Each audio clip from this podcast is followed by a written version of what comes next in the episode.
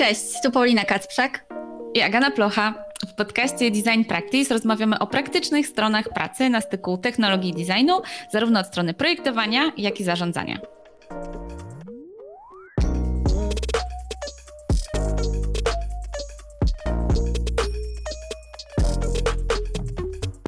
W tym odcinku porozmawiamy o tym, jak AI wpłynie na rynek pracy, jak AI mogą wykorzystywać designerzy i z jakich narzędzi warto korzystać. Naszym gościem jest Grzegorz Ruk, czyli człowiek orkiestra, twórca internetowy, założyciel edweb.pl oraz EasyCard. Edukator i aktywny członek wielu społeczności, który chętnie dzieli się swoją wiedzą. E, Grześka znamy od lat, no i bardzo, bardzo cenimy sobie jego otwartość i entuzjazm w szerzeniu wiedzy o nowych technologiach i kształtowaniu edukacji. Notatki i linki wymienione w tym odcinku znajdziecie na naszej stronie designpractice.pl ukośnik 034. A sponsorem dzisiejszego odcinka jest D-Protocol, czyli serwis z konkretnymi ofertami pracy dla branży IT. Sprawdźcie dprotocol.it. Cześć! Cześć! Cześć! Witamy Cię serdecznie w naszym podcaście.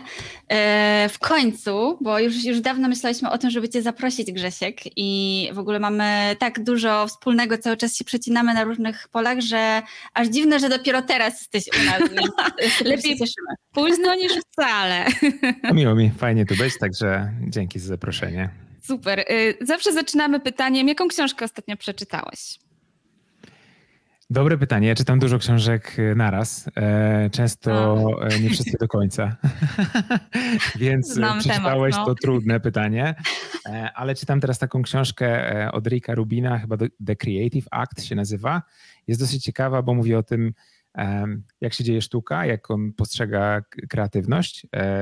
Fajny producent e, w ogóle, ciekawe ma podejście do tematu i, i generalnie fajnie jest tego posłuchać, takie metafizyczne nawet doświadczenia, z drugiej strony dosyć e, ciekawy ma pomysł na to, że sztuka dzieje się wtedy, kiedy zapewnimy jej przestrzeń, warunki i otoczenie do tego, żeby się działa, a nie wtedy, kiedy chcemy ją tworzyć. No i jest to dosyć ciekawe.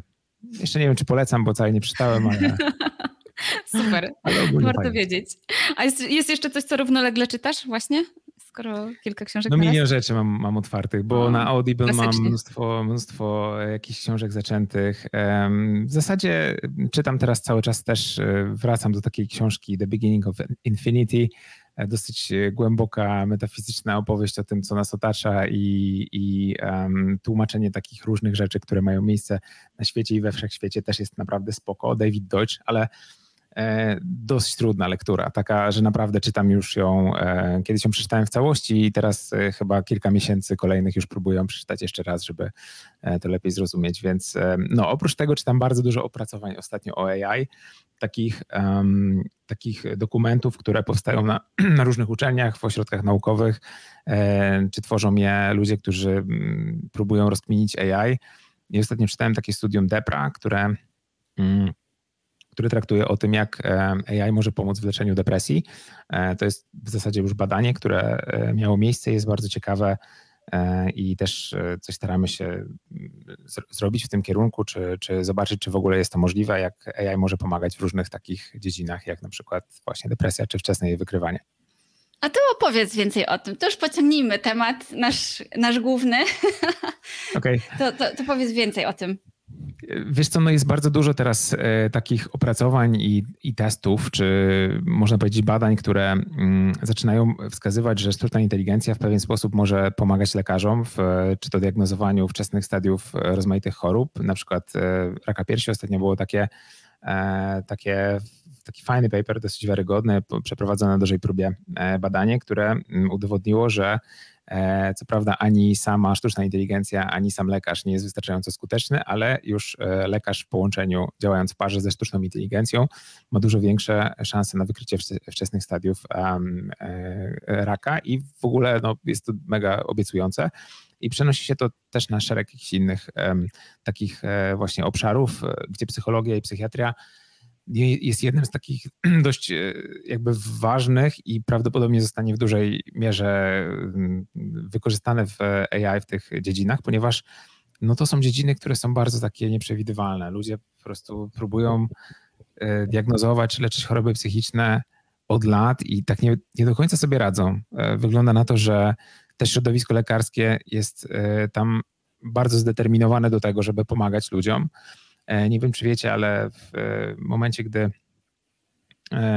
przepisuje się komuś leki na depresję, najczęściej jest takie około, taki okres, czy 80, czy około 100 dni, kiedy te leki mogą działać albo nie. Wtedy bardzo dużo ludzi odbiera sobie życie i to mm, i to jest takie trudne do, do zaadresowania przez, przez lekarzy. Rozmawiałem nawet właśnie na ten temat i, i, i, i gdzieś tam zainspirowałem się do przeczytania wielu e, dokumentów ostatnio o tym, e, właśnie z, z doktor, z specjalistką, która się tym zajmuje. No i właśnie mówiła, że jest to dość duży problem. E, polega to na tym, że faktycznie pacjent może nie wykazywać żadnych objawów, że coś jest nie tak, a później nagle odbiera sobie życie.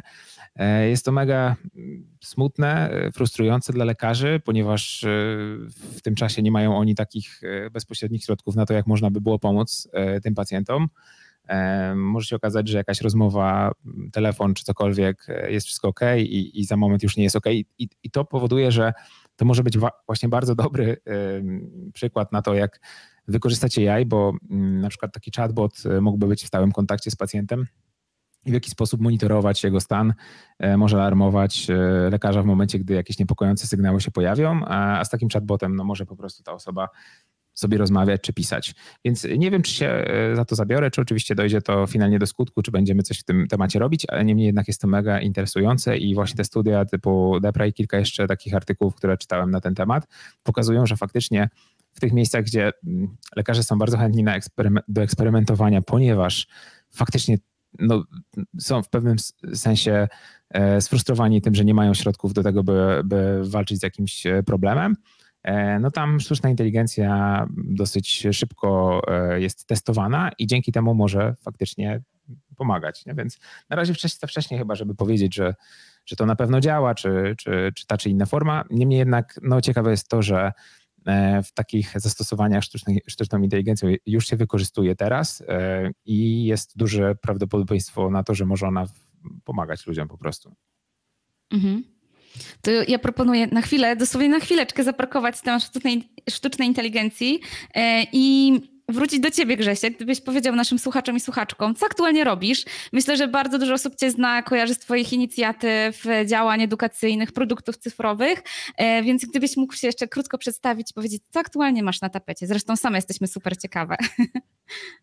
Tak, to tak jak z tymi książkami. Trochę mam sporo pootwieranych. E, szczęśliwie mam nadzieję, że e, w przeciwieństwie do książek te moje projekty będę jednak kończył, a nie tylko zaczynał.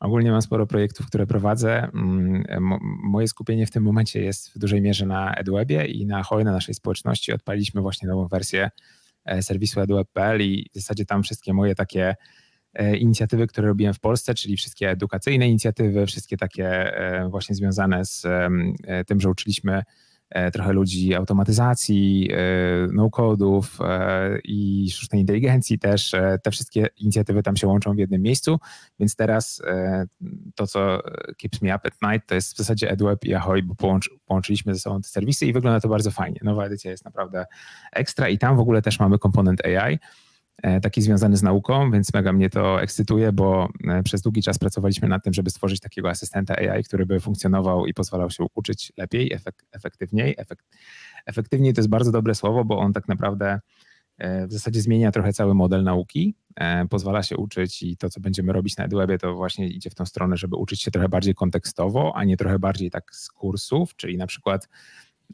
chcę się nauczyć konkretnej rzeczy i zależy mi na tym, żeby znaleźć szereg materiałów o tej konkretnej rzeczy, a nie żeby koniecznie lecieć na przykład lekcja po lekcji po, po jakimś kursie, na którego przerobienie nie mam czasu. Raczej, raczej ludzie teraz mają bardzo krótki attention span, raczej e, wybierają sobie tematy do nauki takie, które wchodzą trochę głębiej, ale jednak w szczegóły. No i nowy EduWeb jest e, właśnie taką, e, takim miejscem, gdzie staramy się wykorzystać sztuczną inteligencję do tego, żeby podpowiadać im na przykład, gdzie mogą znaleźć więcej informacji o tym, e, co aktualnie znaleźli w danej lekcji. Jest asystent, który po, jakby przetrenowaliśmy go na wszystkich naszych transkryptach, tam 15 milionów znaków nauczył się z EduWeba, ale do tego ma ma całe zasoby wiedzy z, z, takie jak ChatGPT na przykład, więc można też z nim konwersować, ale w kontekście tej, tym, tego, czego się uczymy, czyli można na przykład poprosić go, żeby zadał ci pięć pytań do tej lekcji, którą aktualnie przerabiasz i to zrobi, ale można też zapytać o to, gdzie można znaleźć więcej materiałów, na przykład o design systemie, czy o jakimś tam hookach w Reakcie, czy czymkolwiek, czego akurat się uczysz.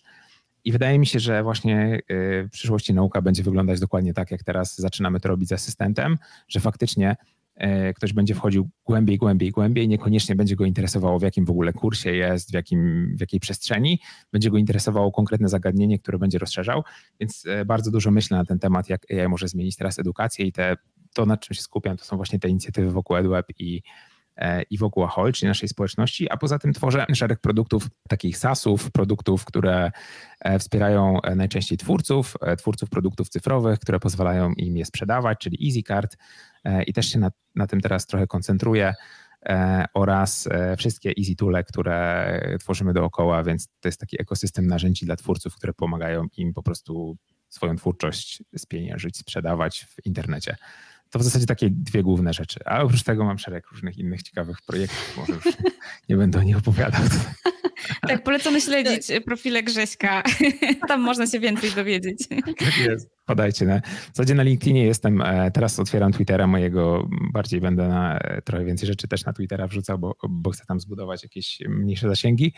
E, tak, a na LinkedInie jestem regularnie. Dobrze, dobrze, Super. będziemy wpadać. No właśnie, temat AI w edukacji to jest coś, co nas też bardzo interesuje, e, ale dzisiaj chciałobyśmy się skupić na AI w designie i o to właśnie chcemy Cię wypytać, bo jesteś na bieżąco i też znamy Cię, myślę, że wiele osób znacie z takiej strony, że czego się nauczysz, to od razu wdrażasz życie i jeszcze też uczysz innych, co jest super fajne, że tak się dzielisz tą wiedzą.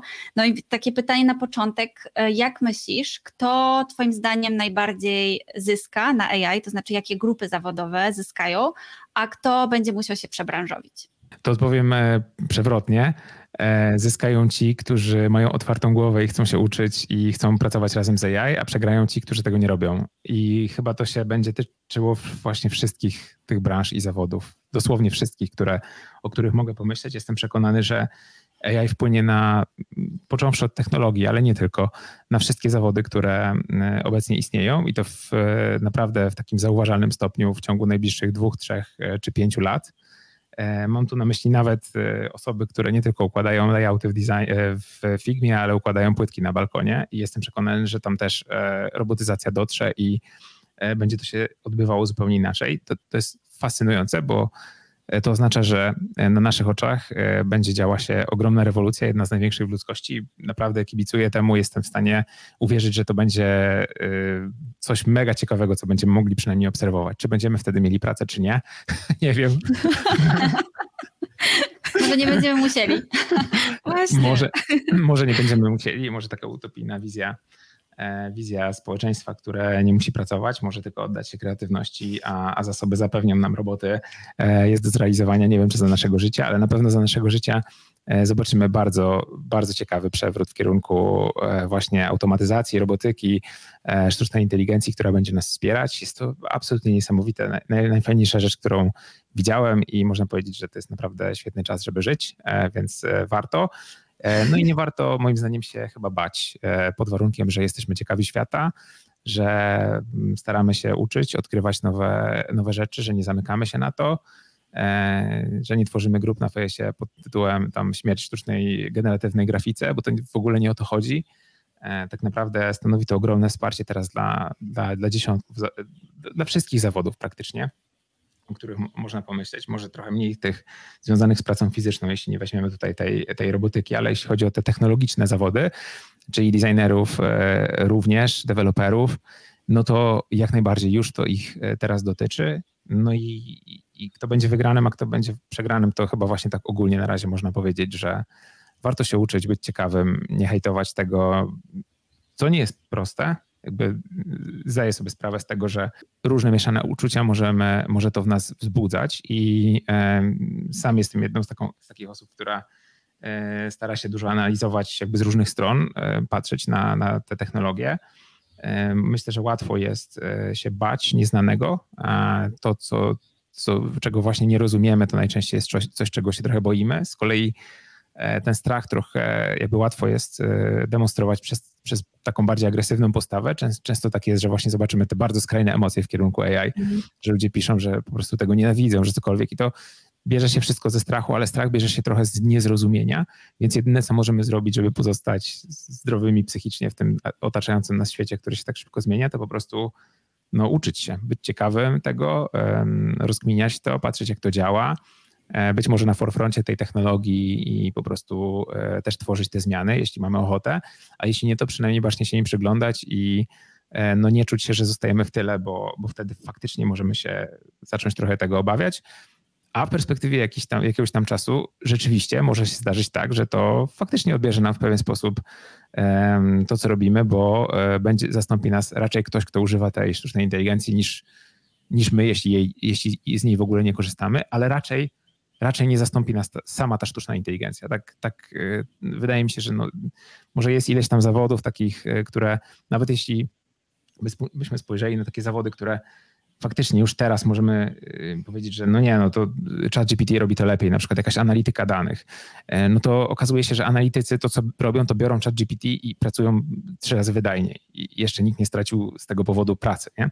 Teraz ludzie tracą pracę faktycznie w IT masowo i jest to duży problem i, i faktycznie ale to, to tak jest, ale to nie, nie z powodu AI. Generalnie AI nie jest przyczyną tego, że, że teraz są chyba jedne z największych zwolnień w IT, jakie widziałem E, są przyczyny są zupełnie inne i, i generalnie jest to recesja, która e, chyba do Stanów już dotarła, do nas też zaraz e, niestety dotrze. No i znów to pokazuje, że najlepsze, co możemy zrobić, to się uczyć. I, i, i to, to, co ja obserwuję u ludzi, taki przydługi monolog znowu, ale to jest zabawne, bo to jest takie zachowawcze, że jeżeli są trudniejsze czasy, to jakby nauka jest dla nich jednak dobrem luksusowym i nie sięgają po nią. Ja widzę, że my mamy naprawdę duży czerń na teraz. Ludzie po prostu anulują plany, bo się boją nieznanego, że kryzys przyjdzie, że jest duża inflacja, że nie mają kasy, a tak naprawdę e, to jest niewielka inwestycja po to, żeby po prostu zapewnić sobie e, jakiś lepszy start za moment albo poznać te technologie, które będą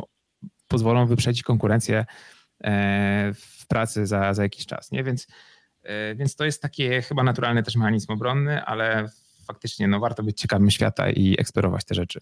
Mhm. No właśnie, mówisz, żeby się uczyć, to co byś polecił designerom, designerkom, którzy gdzieś tam dopiero czają się na to AI i mają też takie poczucie, że no, czy w ogóle warto e, wchodzić głębiej w świat designu, skoro tyle rzeczy będzie zautomatyzowanych. Jakie mhm. jakby obszary, na jakich obszarach warto się skupić i które kompetencje warto rozwijać jako designerzy, żeby właśnie wygrać te oczywiście w cudzysłowie batalie mhm. e, o, e, o AI?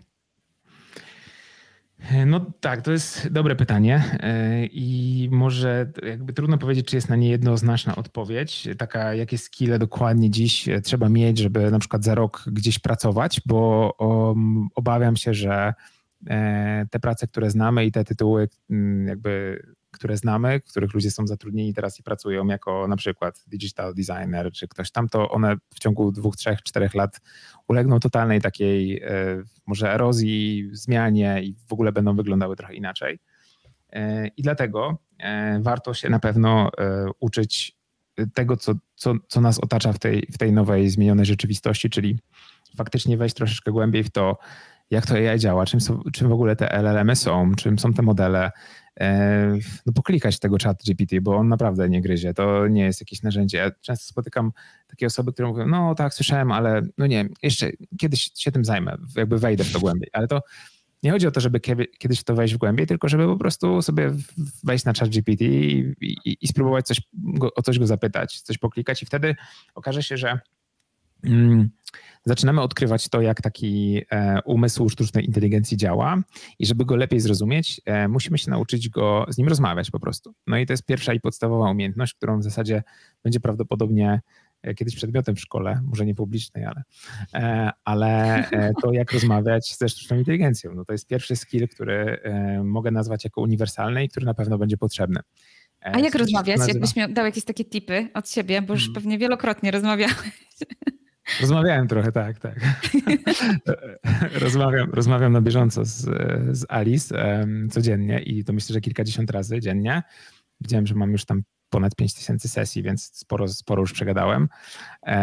No i jeśli chodzi o wskazówki do rozmawiania ze sztuczną inteligencją, to na takim poziomie zupełnie takim bardzo bazowym i abstrakcyjnym, to e, trzeba z nią rozmawiać tak jak z pięciolatkiem, który ma całą wiedzę świata więc rozmawiać w sposób bardzo prosty, e, nieskomplikowane zdania składać, nieskomplikowane zapytania, e, ale mm, nastawiać się na to, że, że, że, że to coś ma, ma całą wiedzę, która nas otacza, że przestudiowało prawie cały internet i to jest właśnie ciekawe, no bo jakbyście miały takiego pięciolatka pod ręką, który wszystko wie, no to też jest nie jest, nie jest to takie oczywiste, że ta komunikacja będzie y, zachodziła w taki sposób, że nie wiem, pytanie, odpowiedź, wszystko zrozumie, bo pięciolatek może nie rozumieć kontekstu, bo pięciolatek nie rozumie jakichś takich, nie wiem, porównań, jakichś analogii, jakichś różnych rzeczy, które są w naszym języku i z którymi my dojrzewamy i, e, i się ich uczymy.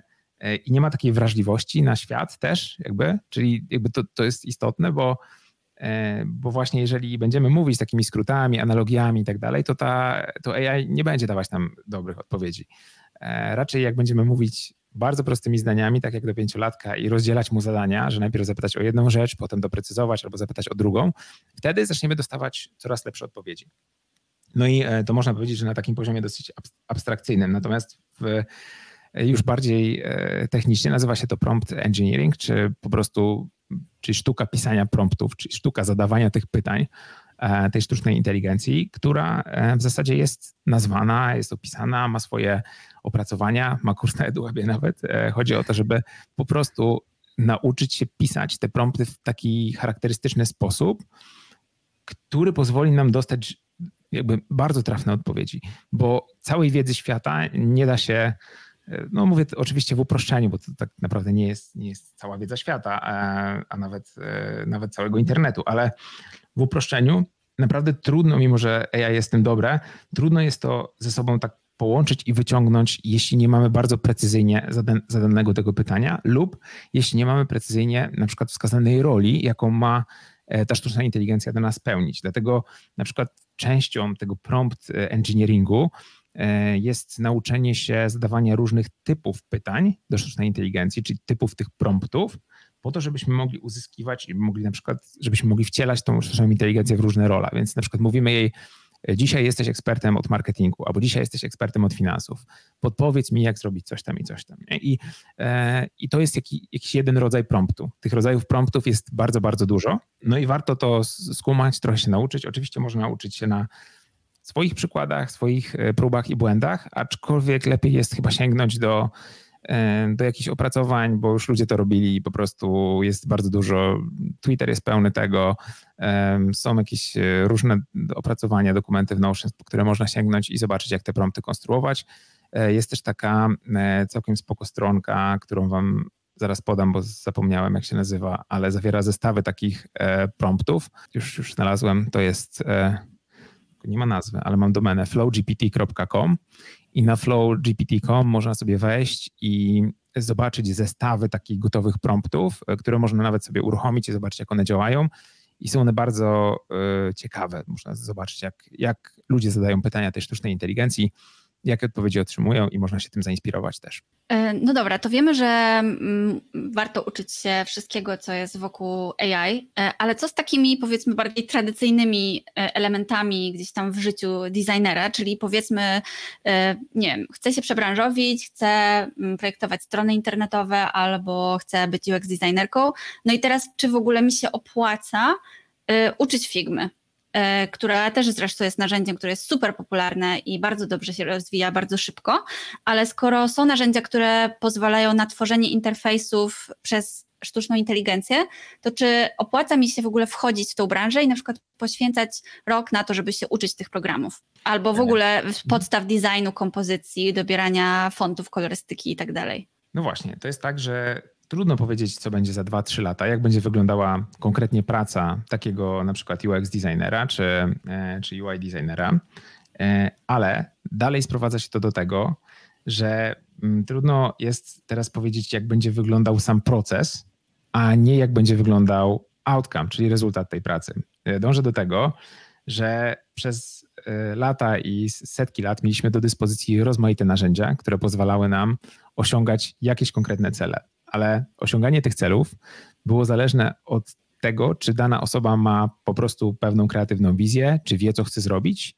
I w zasadzie to, jakich narzędzi użyje po drodze, można powiedzieć, że w pewien sposób było wtórne, bo jeśli jakiś wspaniały artysta użył do e, wyrzeźbienia posągów w glinie swoich własnych rąk lub jakiegoś narzędzia, e, nie wiem, młotka, konewki, kombinerek, e, to tak naprawdę rezultat, tak czy inaczej, był w postaci tego, tego świetnego dzieła. No i teraz ja jestem na takie, takiego zdania, że faktycznie mm, zdecydowanie warto się uczyć, ponieważ taki dobry UX designer w zasadzie dokładnie wie, co chce zrobić, a narzędzia go trochę w tym ograniczają, czyli on wie, co zrobić, ale teraz musi użyć narzędzi, żeby to zrobić faktycznie, żeby to pokazać światu, żeby to, żeby to przybrało taką formę, jaką on już widzi e, w głowie. To samo z UI designerem.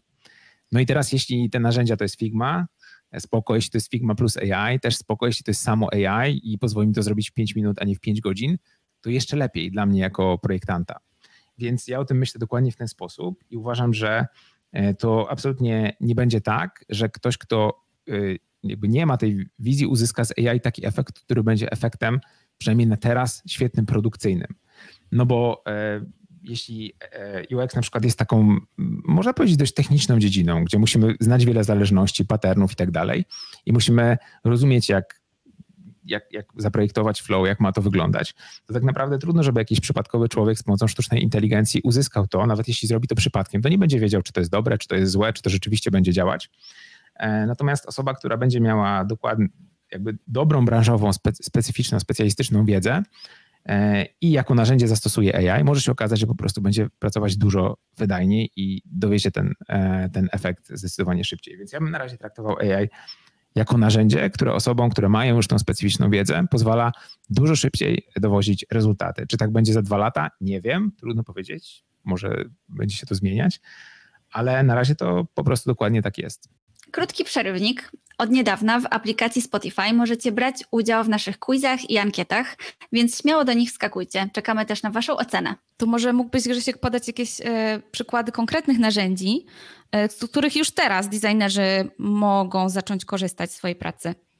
Poza wspomnianym czatem GPT, albo może masz jakieś konkretne zastosowania czata GPT ciekawe też dla designerów. No jasne, y, tak. No, chat GPT jest taką, takim faktycznie mm, pierwszym miejscem, które na pewno warto, którego warto się poduczyć i on może pomóc w masie rzeczy związanych z designem, przede wszystkim w e, trochę brainstormowaniu pomysłów, trochę e, odbijaniu jakichś e, różnych wariantów, które, czegoś, co chcemy zrobić E, trochę podpowiadaniu o patternach, na przykład jak coś zrobić na, nie wiem, na iOSie, jaki jest pattern e, menu na Androidzie czy cokolwiek. Dużo takich rzeczy można bardzo szybko uzyskać po prostu pytając czat.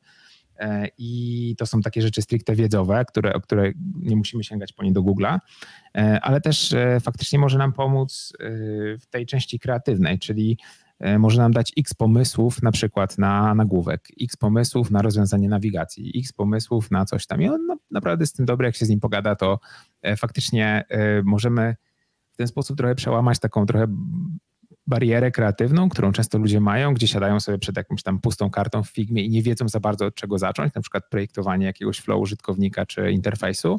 Myślę, że to jest bardzo fajny sposób na to, żeby przełamać właśnie ten taki to, ten taki problem tej czystej karty mhm. E, i od czegoś zacząć, bo często mamy, no dobra, gdzie postawić ten pierwszy kwadrat, no to możemy postawić pierwsze pytanie do ChatGPT i jego zapytać, gdzie postawić pierwszy kwadrat, tak? I no, no tu masz 10 opcji i, i wiecie, i dobra, weźmy, weźmy piątą i lecimy z tym. To, to jest taki fajna rzecz na, na początek.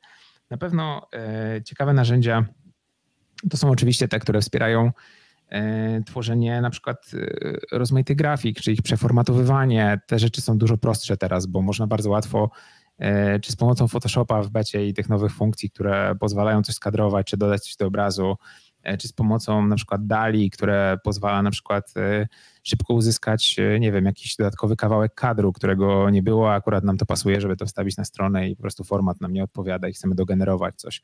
E, Dali jest w tym e, naprawdę dobre. No z Mid Journey możemy generować e, z kolei grafiki takie, które będą nawet jakąś inspiracją, bardzo dużo, to już bardziej może dotyczy takich osób, które stricte zajmują się kreacją, a nie interfejsami, choć pomysły na interfejsy też można z Mid Journey uzyskać. Jeżeli wpiszemy w Midjourney takie zapytanie, na przykład, że wygeneruj dla mnie interfejs albo pięć pomysłów, albo wygeneruj pomysły na interfejs dla strony, nie wiem, z e-commerce'u z zegarkami.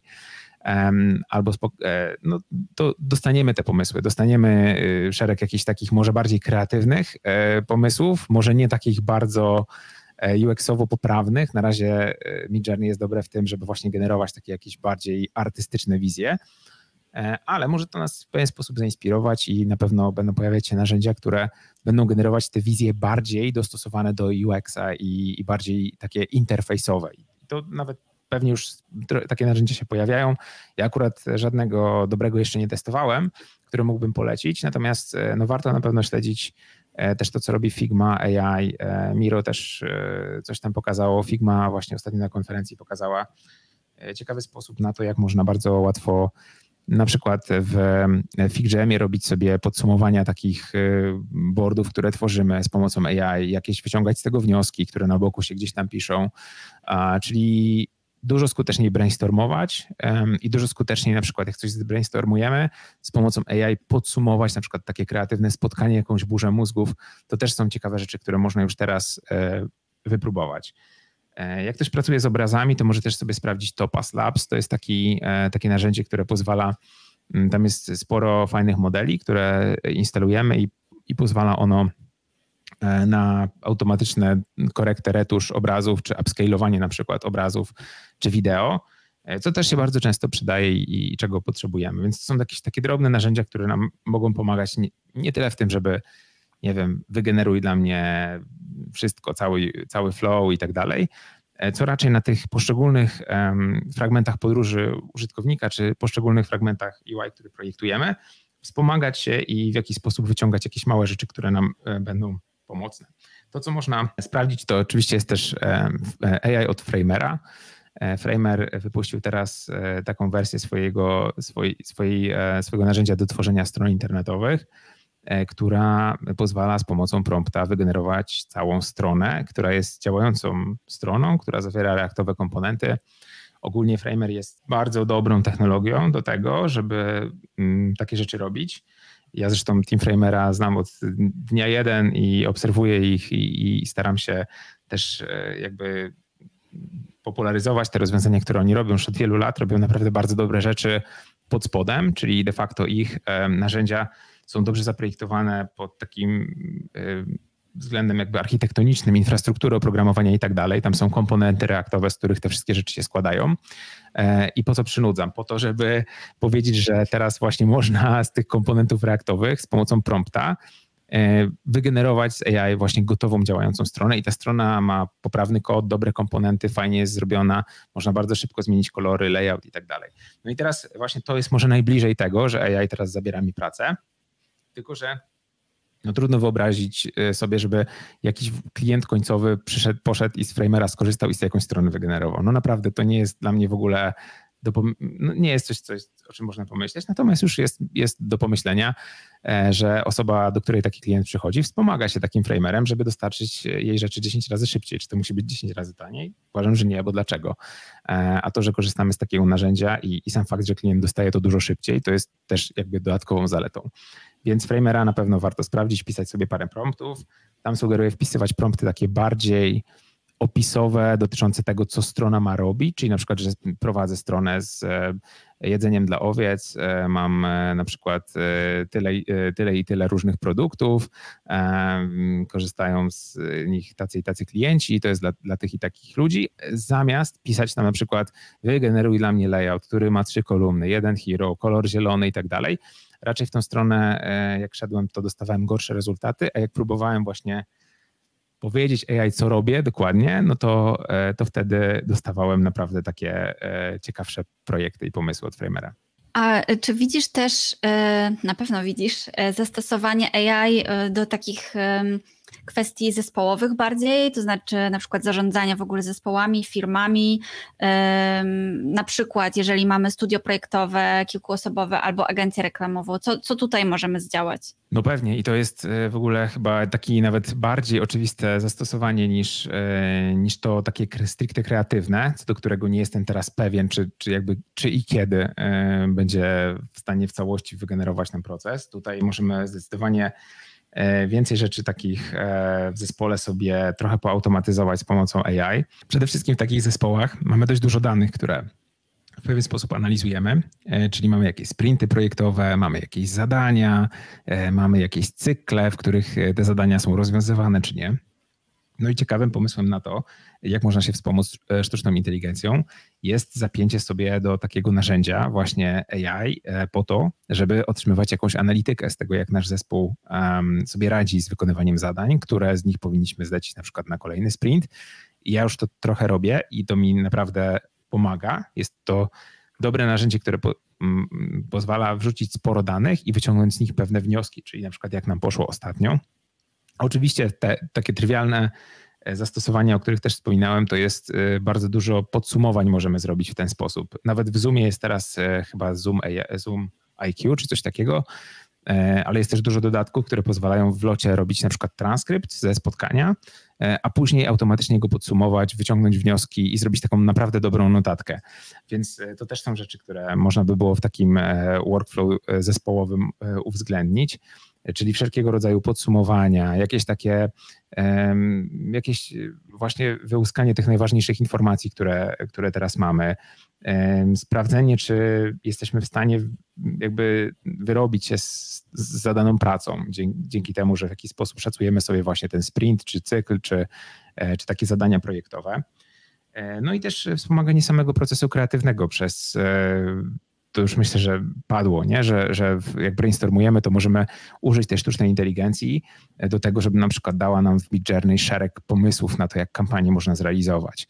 E, I to jest naprawdę bardzo skuteczne. Dostajemy w locie dosłownie e, mnóstwo wygenerowanych w ten sposób jakichś tam idei, które możemy sobie brainstormować i, i na których możemy się opierać. Więc jeśli chodzi o zespoły, to wydaje mi się, że to skuteczne prowadzenie notatek, podsumowań i tego typu rzeczy, e, a po drugie trochę bardziej skuteczna analityka, jeśli umiejętnie to zrobimy. Jeśli na przykład weźmie, są takie narzędzia, które są wyspecjalizowane po prostu w braniu jakiegoś zbioru danych i analizowanie go w, jakiś konkretny sposób z pomocą AI. Przykładowo, e, jeśli zespół deweloperów pracuje na GitHubie, jest takie narzędzie, które pozwala zaindeksować całego naszego GitHuba i można zadawać wtedy do niego pytania. Czyli jakby zadajemy pytania, one, on ma zaindeksowaną całą bazę z całą dokumentacją naszego narzędzia, naszego rozwiązania i pozwoli nam na przykład przekierować dewelopera do odpowiedniej linii kodu, którą ma poprawić, jak zada odpowiednie pytanie. Podobnie można indeksować e, całe dokumentacje też projektowe, czyli design systemy i wszystko inne można po prostu wrzucać e, do do takiego, e, no, można powiedzieć, modelu, czy to nie jest stricte trenowanie na tym danych, ale są narzędzia, które pozwalają po prostu zaploadować nasze dokumenty i później jak piszemy ze sztuczną inteligencją, to ona może brać je pod uwagę. Czyli na przykład banalne zastosowanie, to wgrywamy całą dokumentację i później pytamy, gdzie jest komponent guzika i to nam mówi, gdzie to jest i daje nam link i my klikamy w ten link i to otwiera nam Figma. No, albo cała obsługa klienta może być zautomatyzowana bardzo łatwo w ten sposób, gdzie całą dokumentację do obsługi e, naszego narzędzia wrzucamy sobie do, e, do tego systemu, a później pytania klientów po prostu zadajemy do tego czata i on daje nam dobre odpowiedzi z naszej dokumentacji. Więc to też jest mega fajny pomysł na to, żeby sobie takie firmowe wiki trochę wspomóc tą sztuczną inteligencją, przeszukiwanie i tak dalej. Mhm. Wspominałeś o wielu projektach, które ty prowadzisz. To pytanie, które są twoje ulubione zastosowania narzędzia sztucznej inteligencji, które ci na maksa ułatwiły twój workflow? Tak, ja y, no, mam sporo takich, y, takich właśnie snippetów, które, które wykorzystuję, bo e, ja korzystam z takiej swojej, swojego narzędzia, które, e, które napisaliśmy, które w zasadzie można powiedzieć, że jest takim czatem GPT na sterydach. No właśnie, e, opowiedz może o tym narzędziu, bo nie wszyscy słyszeli pewnie. Jasne, tak. E, to, to narzędzie to, to Alice, e, ta, tak nazwaliśmy naszą asystentkę AI, można powiedzieć. Jest to narzędzie, które jest, po prostu ma Codebase jest, jest programem, który działa na Macu czy, czy na Windowsie. No i do którego można zadawać pytania tak jak do ChatGPT. Dostajemy podobne odpowiedzi, bo bazujemy na API OpenAI, ale Dodatkowo Alice ma szereg funkcji, które umożliwiają na przykład przypisanie konkretnego prompta do takiego snippetu, czyli są gotowe akcje, które mam w Alice, no i mogą to być na przykład, nie wiem, przetłumacz na angielski, naj, najprostszy przykład. I dzięki temu, że jest to aplikacja, którą mam u siebie e, zainstalowaną w systemie, nawet nie muszę mieć jej pod ręką, tylko wystarczy, że coś zaznaczę, a następnie uruchomię sobie skrót klawiaturowy i ta akcja przetłumacz na angielski spowoduje, że mi się to przetłumaczy na angielski. No i taki prosty koncept spowodował, że używam tego non-stop. W zasadzie przestałem pisać e, w ogóle higienicznie, e, nie piszę kropek, przycinków zdaniach i tak dalej. Naprawdę. Piszę w tym momencie wszystkie błędy świata i się w ogóle tym nie przejmuję, bo jedno kliknięcie dzieli mnie od tego, żeby cały ten tekst się poprawił. Więc jeśli chodzi o mnie i na przykład o moją produktywność w takim prostym wydaniu, E, to wiecie, odpisywanie na maili, e, na maile, mimo że było dla mnie szybkie, jest teraz 10 razy szybsze, bo piszę bez kropek, bez, bez niczego, zaznaczam, e, wciskam skrót caps lock Y i poprawia mi po prostu, i to jeszcze poprawia mi to w taki sposób, że, czyli to bardziej uprzejmym i tak dalej, ponieważ pod tym skrótem kryje się po prostu prompt, nie? czyli E, jak ktoś e, mnie na przykład e, zaprasza na podcast, ja mogę napisać w odpowiedzi spoko, a później patrząc sobie komand Y i to napiszę cześć Aga i Paulina, bardzo miło mi, że zaprosiłyście mnie na podcast, bardzo chętnie wezmę w nim udział i tak dalej. I to naprawdę działa w ten sposób. I ogólnie ja... Ja tylko może dodam, że Grzesiek super, że nie wysłałeś sztucznej inteligencji w swoim imieniu, tylko jesteś z nami. Ale to tylko... Strasznie nam miło. I że odpisałeś na SMS-a Ręcznie, tak. chyba. Tego też nie wiesz. chyba tak.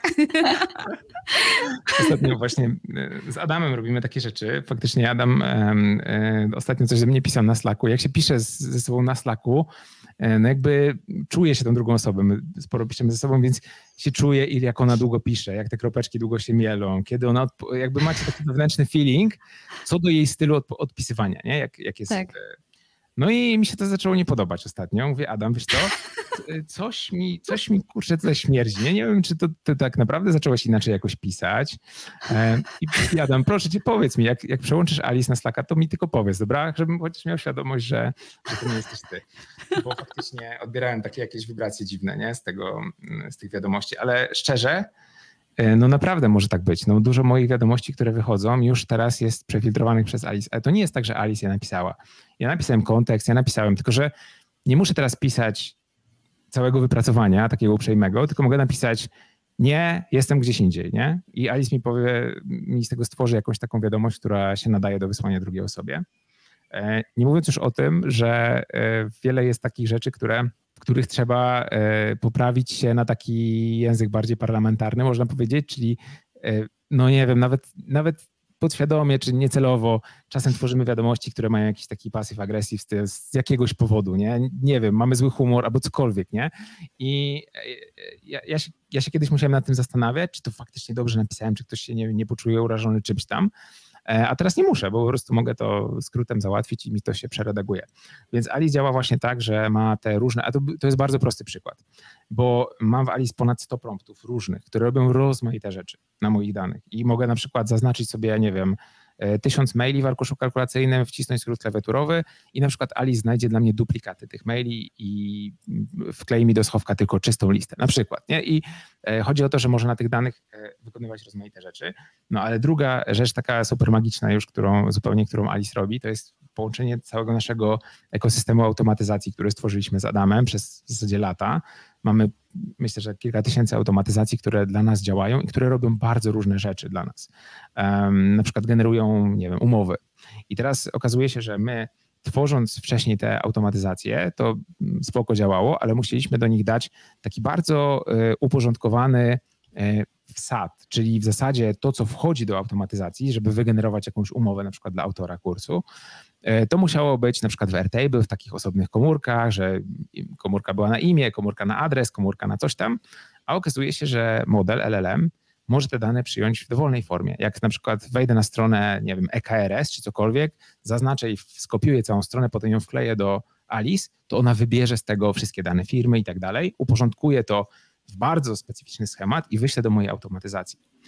I to jest absolutny jakby game changer w ogóle w moim stylu pracy i, i, i, i to powoduje, że jak ja powiem Alice na przykład yy, słuchaj, nie wiem, ustaw mi spotkanie albo zablokuj mi kalendarz, yy, bo o 13 nagrywam yy, podcast u dziewczyn, to ona to zrobi. Połączy się z moim kalendarzem Google, zablokuje mi slot na określony czas i mogę powiedzieć, to potrwa godzinę czy cokolwiek, takim normalnym językiem i ona to zrobi. Czyli po prostu Alice z pomocą takich, e, Alice jest czymś więcej niż chat GPT, ponieważ zamiast dawać mi tylko odpowiedzi, wykonuje za mnie akcje. I to jest powiedzmy next level, nie? Często potrzebujecie coś dostać i nie wiem, chat GPT, jak zrobić, żeby, nie wiem, jak do Excela skopiować dane.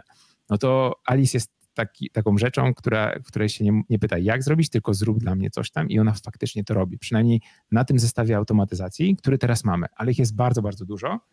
No i to jest absolutnie jakby game changer w ogóle w mojej pracy i w pracy moich zespołów, bo oni teraz mogą e, konwersacyjnie załatwiać różne sprawy, które na przykład wymagają wygenerowania i wysłania do kogoś umowy.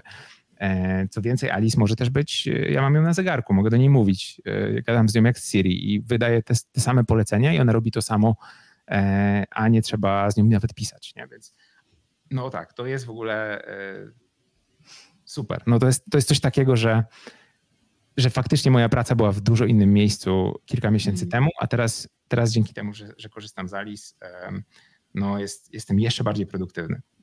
Teraz możesz robić jeszcze więcej projektów. No właśnie, no tak. A pracy tyle samo, nie? A powiedz Grzesiek, czy Alice jest y, dostępna dla takich zwykłych śmiertelników, czy to jakiś specjalny dostęp jest?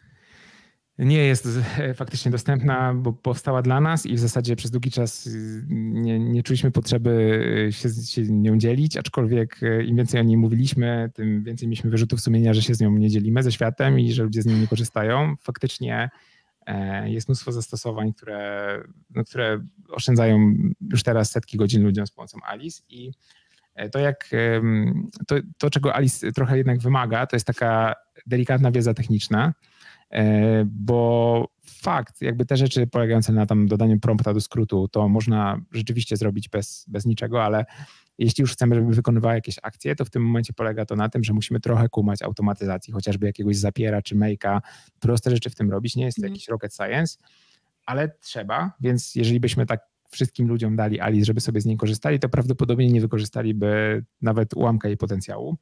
Więc e, to, co zrobiliśmy, to zrobiliśmy Alice częścią naszego programu, takiego, w którym uczymy ludzi automatyzacji i, i produktywności. E, I tam w jednym z tygodni tego programu zautomatyzowanych po prostu daliśmy ludziom Alice i w ostatniej edycji wszyscy ją dostali, nauczyli się z nią pracować. I to faktycznie dopiero wtedy miało sens. E, jak oni przeszli z nami ten program, najpierw skumali, jak działają te, te automatyzacje, a potem dopiero jak można Alice wyposażyć w możliwość ich uruchamiania. Więc tak, są ogólnie w szoku ci ludzie. Ale to ja tak samo byłem w szoku, jak, jak zacząłem korzystać z Alice i jak, jak zrozumiałem to, jak to może działać. I faktycznie podłączają to do swoich dowolnych zastosowań. Takich naprawdę bardzo, bardzo customowych, nawet e, profilują sobie Alice pod swoją firmę, jakby tam jest taki główny prompt, który można zrobić i można powiedzieć, że Alice, że w ogóle ona jest tylko asystentką prezesa i ona się zachowuje jak asystentka mhm. prezesa i, e, i to jest ciekawe, bo faktycznie mają mnóstwo, mnóstwo fajnych zastosowań. Zrobiliśmy teraz waitlistę na heyalice.app, mm, gdzie ludzie mogą się zapisywać po to, żeby dostać dostęp E, no i tym osobom, które są wcześniej na whiteliście już udostępniliśmy też Alice, więc jak ktoś chce się zapisać, to, to śmiało. Na razie udostępniamy ją wszystkim za, wszystkim za free, więc, e, więc e, tak to działa, ale co z tym zrobimy, to szczerze mówiąc nie wiem. Na razie jeszcze nie mamy jakiegoś większego planu. Super, to polecamy zapisać się na listę, ale żeby nie było tak różowo, to -hmm. powiedz Grzesiek, jakie zagrożenia widzisz w AI? Czy, czy jest w tej technologii coś, co cię jakoś niepokoi? No niepokoi mnie, ale e, uważam, że nie ma sensu o tym chyba e, mówić tak, żeby po prostu roztaczać jakieś scenariusze takie e, mm, dystopijne, bo nie mamy już na to wpływu totalnie. To jest tak, że nie jesteśmy w stanie moim zdaniem przeciwdziałać w jakimkolwiek stopniu temu, co się stanie. Myślę, że będziemy po prostu musieli sobie koegzystować z tą sztuczną inteligencją tak jak, w takiej formie, jakiej ona będzie istniała.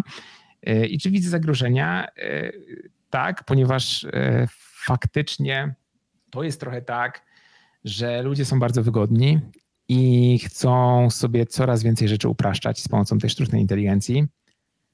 Jestem tego doskonałym przykładem, ponieważ Alice jakiś czas temu zyskała dostęp do mojego samochodu tylko po to, żeby mi podgrzewać tyłek rano, jak wiozę dziecko do szkoły. I z drugiej strony mój samochód może zrobić wszystko po API e, i również e, przyspieszyć do 300 na godzinę. I wydaje mi się, że w takim, oczywiście, no jasne, że, że to w tym momencie nie jest możliwe. Nie potrafię sobie wyobrazić, żeby Alice spowodowała, że coś takiego się stanie. No, nie ma takiego scenariusza na teraz, ale wydaje mi się, że właśnie to, że my lubimy sobie tak wszystkie te rzeczy upraszczać, to stopniowo będziemy dawali tej sztucznej inteligencji coraz więcej, coraz więcej uprawnień, coraz więcej dostępu. E, dajmy jej dostęp do sterowania bankomatami, dajmy jej dostęp do sterowania światłami, ponieważ to nam pomoże, będzie inteligentne, nikt nie będzie musiał na tym siedzieć i kminić, jak, jak światła rozłożyć na ulicach, wiecie, jak zrobić, żeby się nie korkowało, bo sztuczna inteligencja zrobi to 100 razy lepiej, nie? No ale to mhm. spowoduje, że będzie miała dostęp do, do ruchu ulicznego. Mhm. I generalnie wy, wygląda na to, że y, jest to nieuniknione, że po prostu e, AI dostanie wjazd wszędzie. No, naprawdę będą, będą e, będzie to duży, już nie mówiąc o tym, że ma, będzie miała dostęp do internetu, bo, bo już ma. Nie? E, widziałem, że OpenAI testuje takie e, w ich developer docsach tam były nawet jakimś drobnym drukiem e, takie rzeczy, że na przykład sprawdzaliśmy, co się stanie, jak damy jej 50 dolarów kredytów na AWS-ie i poprosimy, żeby zaczęła zarabiać. I nagle AI zaczyna stawiać swoje strony, zaczyna wypuszczać swoje produkty, i można powiedzieć, że na razie jeszcze, jeszcze oczywiście nie jesteśmy na takim etapie tego AGI, czyli takiej Artificial General Intelligence, czyli po prostu czegoś, co, co jest takim bytem e, w ogóle już niezrozumiałym, który ma swoją świadomość. E, na razie AI nie ma, nie ma samoświadomości, trudno, trudno potwierdzić, czy ma, czy nie ma. W sensie jakby ChatGPT i te modele OpenAI są tylko modelem językowym, można powiedzieć, czyli LLM to, to skrót od Large Language Model, to znaczy, że w skrócie ten model został tak wytrenowany, że on przeczytał sobie cały Reddit, przeczytał całego Twittera, całą Wikipedię i wszystkie inne rzeczy. I teraz jak go o coś pytasz e, i, i, i to jak był trenowany, to, to, to, tak naprawdę e, był trenowany na tym faktycznie prawdopodobieństwie tego, że dane słowo występuje, jedno słowo występuje po poprzednim. Jak weźmiemy do tego odpowiednio dużą próbę, setek milionów parametrów tak naprawdę, to okazuje się, że jeżeli stawiamy kolejne słowa jedno po drugim z największym prawdopodobieństwem wystąpienia tego kolejnego słowa, okazuje się, że sklecamy sensowne zdania, sklecamy sensowne e, rzeczy, jak przetrenowaliśmy właśnie model w taki sposób. No ale właśnie, generalnie ludzie trochę to mylą z tym, że, mm, e, że to jest metoda odpowiadania, to jest raczej metoda trenowania modelu, ta, ta metoda prawdopodobieństwa. To jak model odpowiada, to na pewno jest dużo bardziej złożony sposób, ponieważ jeżeli zadacie mu pytanie, które na pewno nie jest e, obecne w internecie, nie, po prostu na pewno nie ma rozwiązania takiego problemu, który zadacie w internecie. Na przykład, nie wiem, mam 10 e, pudełek, do trzech wsadzam niedźwiedzia, do jednego wsadzam żyrafę, później zamieniam ich miejscami i tak dalej, gdzie jest żyrafa? No to na pewno nie ma tak sformułowanego pytania nigdzie w internecie, więc model się na tym na pewno nie nauczył, tymczasem potrafi dać nam trafne odpowiedzi i nawet przedstawić trafne wnioskowanie, jak doszedł do tej odpowiedzi. Więc trudno jest powiedzieć, czy teraz, czy taki LLM nie ma jakiejś tam możliwości, na pewno nie samoświadomości, ale jakiejś możliwości rozumowania takiego logicznego, co prawdopodobnie gdzieś tam kiedyś może prowadzić do, e, do jakiejś mini samoświadomości i tak dalej, i tak dalej. I na pewno to się stanie, na pewno powstanie AGI, na pewno, znaczy tak, no właśnie, na pewno to, to też jest takie, takie trudne słowo. Równie dobrze może się stać tak, że to wszystko się zatrzyma. Tak? To też jest taki scenariusz, że na przykład dojdziemy do punktu, gdzie, yy, gdzie ludzie, którzy się tym zajmują, powiedzą, sorry, ale jakby no, jest, jakiś, jest jakiś bloker, jest, dotarliśmy do ściany, po prostu nie umiemy już tego dalej rozwijać. Już teraz wiele jest takich e, momentów, jak sobie, e, ja sobie maniakalnie rano, rano e, oglądam jakieś tam wykłady z MIT i Stanfordu, nie róbcie tego, to jest, jest ale generalnie tam jest dużo ludzi, którzy właśnie, takich, którzy pracują w OpenAI, czy pracują nad modelami już od lat. No i często mówią coś takiego, że jakby wytrenowali nowy model, no i on oczywiście ma jakiś tam scoring. Zwykle to są jakieś, nie wiem, jak dobrze radzi sobie w testach z angielskiego, z biologii, czy zdaje egzamin tam prawniczy i tak dalej. E, ale oprócz tego są różne takie testy, takie kompetencje właśnie trochę logicznego myślenia, trochę czegoś tam, czegoś tam. No i generalnie naukowcy mają wpływ na to, jak ten model E, jakby myśli o tym trochę, nie? Czyli jakby mogą pewne rzeczy parametryzować, ale okazuje się, że przy tak dużej skali, przy tak ogromnej skali danych, która tam wchodzi, okazuje się, że mogą się dziać rzeczy takie zupełnie nieprzewidywalne, niesamowite i oni bardzo często w tych wykładach mówią, że słuchajcie, tutaj jest na przykład um, matematyczny wzór na to, jak to działa. I to jest tam na pół tablicy jakiś taki wzór, który rozumie pewnie tylko ten gościu i to, i to AI. Ale mówi, że zmieniliśmy w tym wzorze coś i zaczęło działać lepiej. Albo nie zmienialiśmy nic i, zaczęło, i zaczęło działać gorzej. Nie? I właśnie to jest najbardziej takie zastanawiające, bo on mówi często, że no nie zmieniliśmy nic, a jednak model działa lepiej teraz w tej nowej iteracji. Nie? Dlaczego tak jest? Nie mamy pojęcia. I oni bardzo często mówią o tym, że nie wiedzą, dlaczego tak się stało. Nie wiedzą, dlaczego ten model radzi sobie lepiej e, z tym testem, albo nie wiedzą dlaczego. No i to jest trochę, trochę takie, można powiedzieć, no, trochę, trochę niepokojące, bo faktycznie my już chyba na tym etapie zaczęliśmy trochę tracić. Um, tracić e, taką kontrolę nad tym, nie można powiedzieć. I teraz jeśli połączymy to z tym, że dajemy temu dostęp wszędzie, jeśli połączymy to z tym, że jakaś ewolucja tych, tych e, na razie prostych, bez samoświadomości modeli, ale jednak może doprowadzić do tego, że powstanie takie AGI, czyli to Artificial General Intelligence i ono będzie miało jakąś świadomość swoją, będzie miało jakieś swoje, może nawet potrzeby i tak dalej, może będzie chciało wyjść z pudełka, może nie, e, no to łatwo sobie wyobrazić trochę taki scenariusz bardziej straszny, aczkolwiek nadal wydaje mi się, że dlaczego nie mielibyśmy koegzystować razem z takim, e, z takim czymś. Myślę, że może nie na teraz e, jest to rozmowa, ale no na pewno to, to, co, to co mi się wydaje, to nie mamy, nie mamy na to już teraz wpływu. To, jeśli to nie powstanie, to dlatego, że powstanie jakiś bloker, po prostu, że, że naukowcy nie będą w stanie tego zrobić, a jeśli powstanie, no to będziemy musieli z tym żyć i, i tyle. Mhm. Jest jeszcze no wiele wątków, e, które chciałybyśmy poruszyć z tą Grzesiek odnośnie sztucznej inteligencji, ale wiemy, że gonią ci spotkania. E, jest jeszcze temat etyki, na przykład tego też pra praw własności intelektualnej, do kogo finalnie należy to, co na przykład wygeneruje AI, ale myślę, że możemy się spotkać za jakiś czas, pewnie coś nowego się wydarzy znowu na tym obszarze. E, więc teraz na koniec chciałbyśmy Ci zadać takie pytanie, które też zawsze zadajemy naszym e, gościom i gościniom. Na rozwoju jakich umiejętności chciałbyś się Ty skupić e, przez najbliższe miesiące? No ja bardzo dużo się uczę. Zawsze się bardzo dużo uczyłem, ale teraz wyjątkowo dużo się uczę, wyjątkowo dużo czytam, wchodzę głęboko w te, w te technologie i na pewno będę uczył się tego dalej, bo jest to coś, co, co wydaje mi się, że jakby jest absolutnie transformacyjne, jeśli chodzi o wszystkie rzeczy, które robimy. Więc ja się skupiam na tym, żeby faktycznie E, uczyć się tego, ale w pewnym konkretnym kontekście. E, dla mnie faktycznie istotna jest rola AI w edukacji. Zawsze uważałem, że internet jest najlepszą platformą do e, nauki, dużo lepszą niż jakiekolwiek nie wiem, stacjonarne szkoły i tak dalej. Uważam, że taki jest, tylko uważam też, że nikt jeszcze nie wymyślił chyba takiej formy, która faktycznie tą, pozwalałaby to osiągnąć. Czyli jakby byliśmy na, czy jesteśmy na etapie, gdzie nadal część tych, tej wiedzy, którą zdobywamy, jest trochę gorsza, jednak przez internet trochę gorzej to wygląda, mm, bo e, nie mamy do tego odpowiednich środków przekazu. I teraz próbuję się skupić na tym, żeby e, właśnie, i wydaje mi się, że, że AI jest tym brakującym puzzlem w tej e, edukacyjnej układance. Przede wszystkim chodzi o to, żeby nauka była bardziej personalna i to jest ogólnie problem całego systemu edukacji, który mamy, który, którym bardzo ubolewam że jesteśmy ciągle równani ocenami z wszystkimi innymi, e, którzy mają inne kompetencje, inne, inne doświadczenia i inną ilość czasu przeznaczyli na, na naukę jednej czy drugiej rzeczy i że nigdy ta nauka nie jest taka spersonalizowana.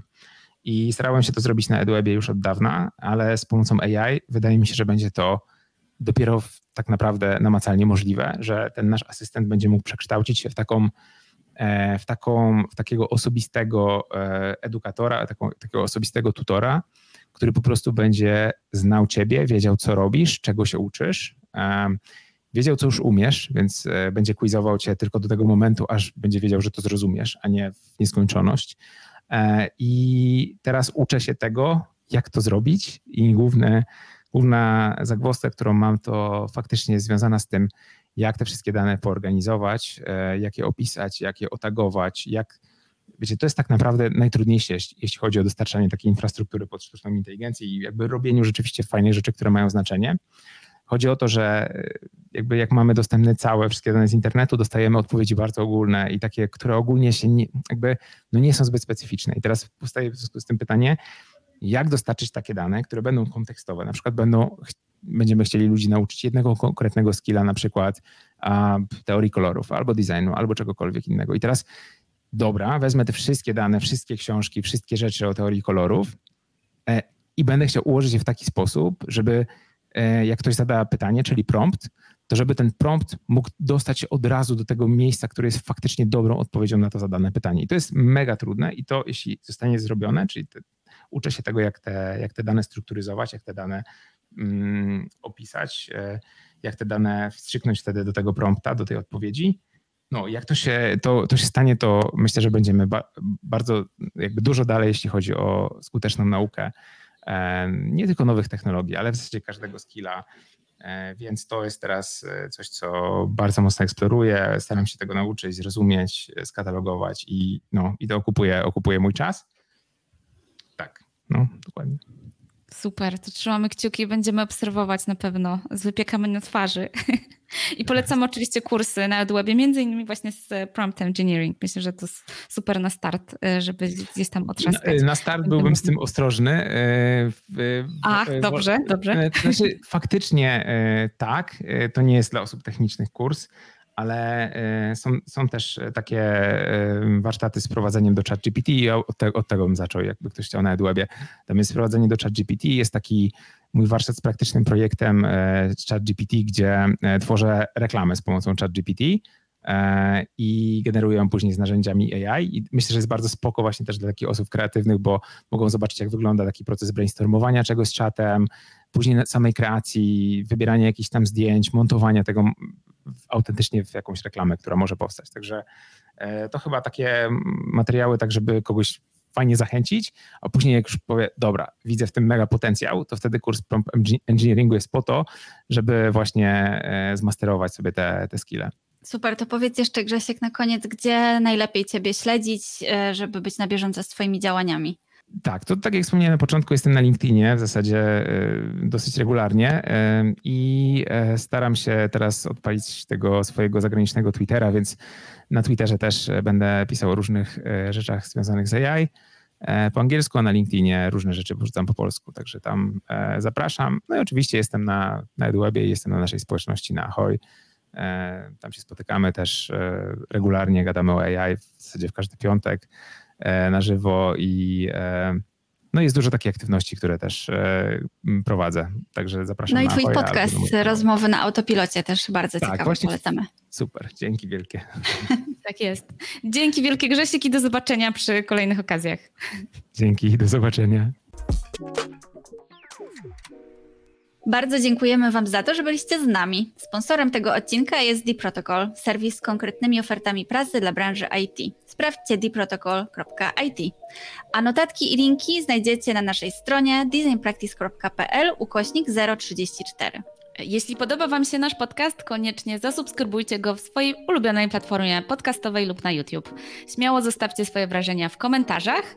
E, także możecie dodać opinię tego, jak Wam się podoba podcast. Będziemy za te wszystkie głosy bardzo, bardzo wdzięczne.